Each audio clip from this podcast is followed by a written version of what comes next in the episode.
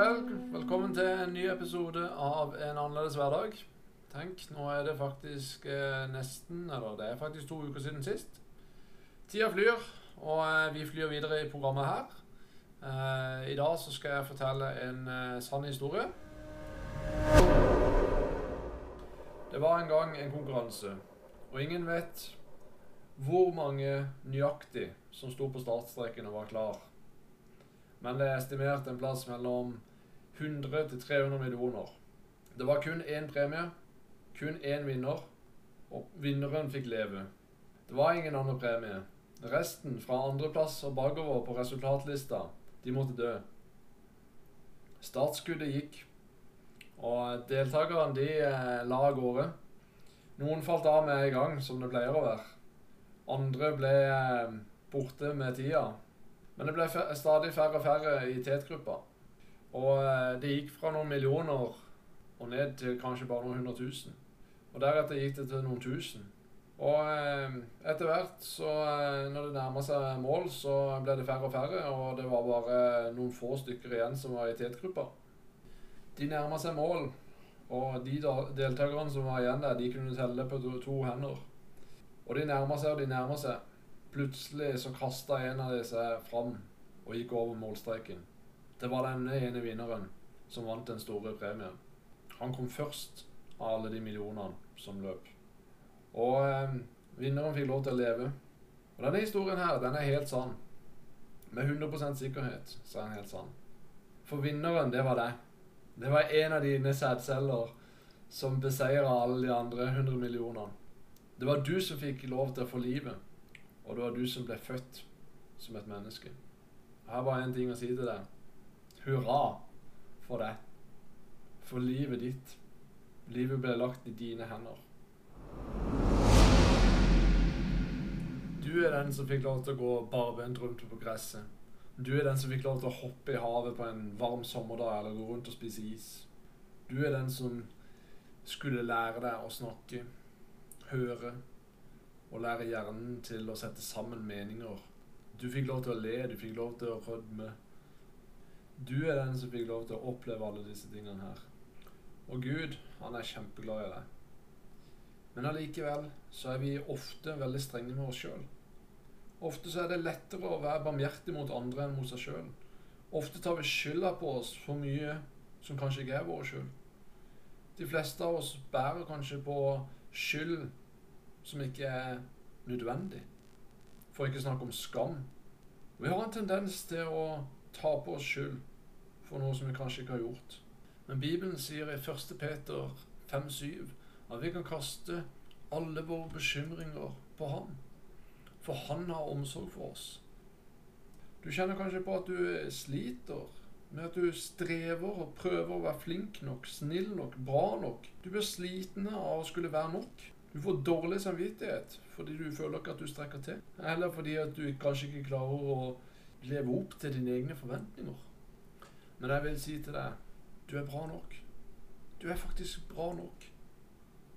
Uavhengig av hva du måtte føle, eller hva naboene dine måtte synes, eller familien måtte synes, venner, på jobb, samfunnet generelt, eller noen som helst av andre mennesker måtte si og mene. Du er bra nok. Og Gud, han elsker deg. Han elsker deg. Og derfor han døde for deg. Så mye og så høyt elsker han deg. Og det som er så kult, hvis vi ser i uh, Jesajas 43, så ser vi at Herren snakker uh, om Jakob som forma Israel, og Israel er oss som kristne. Uh, han sier litt lenger nede der, så sier han at du er dyrebar i mine øyne, høyt aktet, og jeg elsker deg. Du kan ikke gjøre en ting for at Gud skal elske deg noe mer eller mindre. Nei, han døde for deg fordi at han elsker deg. Fordi han så mye brydde han seg om deg at han var villig til å dø for deg. Og i Efeserane 2 så står det at for av nåde er dere frelst ved tro, ikke av dere selv. Det er en gave fra Gud. Det vi må forstå, det er at det er ikke ved gjerningene våre at vi er frelst. I mange religioner rundt forbi så er det slik at du må gjøre de og de tingene der. Du må være god. Du må være en god person for at du skal eh, komme til paradis eller komme inn i himmelen eller evigheten og ha en god framtid. Nei.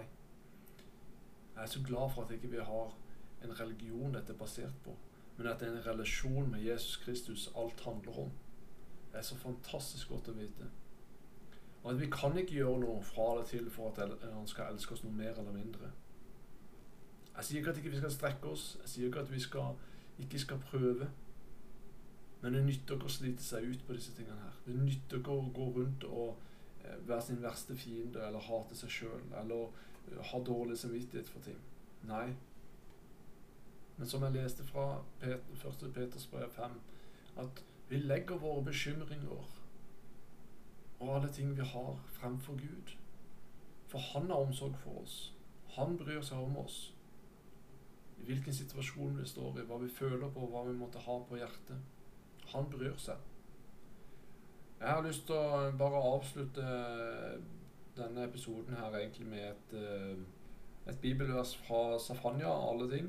Safanya 3,17. Der står det at Herren i Gud er hos deg, en helt som frelser. Han fryder og gleder seg over deg og viser deg på ny sin kjærlighet. Han jubler over deg med fryd. Jeg vet at det ikke er 17. mai nå, men jeg har bare lyst til å si hurra, hurra, hurra for deg. Fordi du er god nok. Takk Gud for livet han har gitt deg. Så da tenker jeg at jeg har sagt nok for i dag. Så er det bare for meg å ønske deg en uh, fin uke. Og nå er det jo jul òg, så riktig god jul til alle sammen. Kan være vi klarer å få ut en episode før uh, det også, men det skal jeg ikke love. Men god jul, og ha en riktig fin uke. Og som alltid, har du tilbakemelding til oss, gi oss en tilbakemelding enten på e-post Send en e-post til flyvendehybelkanin.outlock.com, altså flyvendehybelkanin.outlock.com. Eller følg oss på Facebook på en annerledes hverdag. Skriv gjerne til oss der om du har ris eller ros.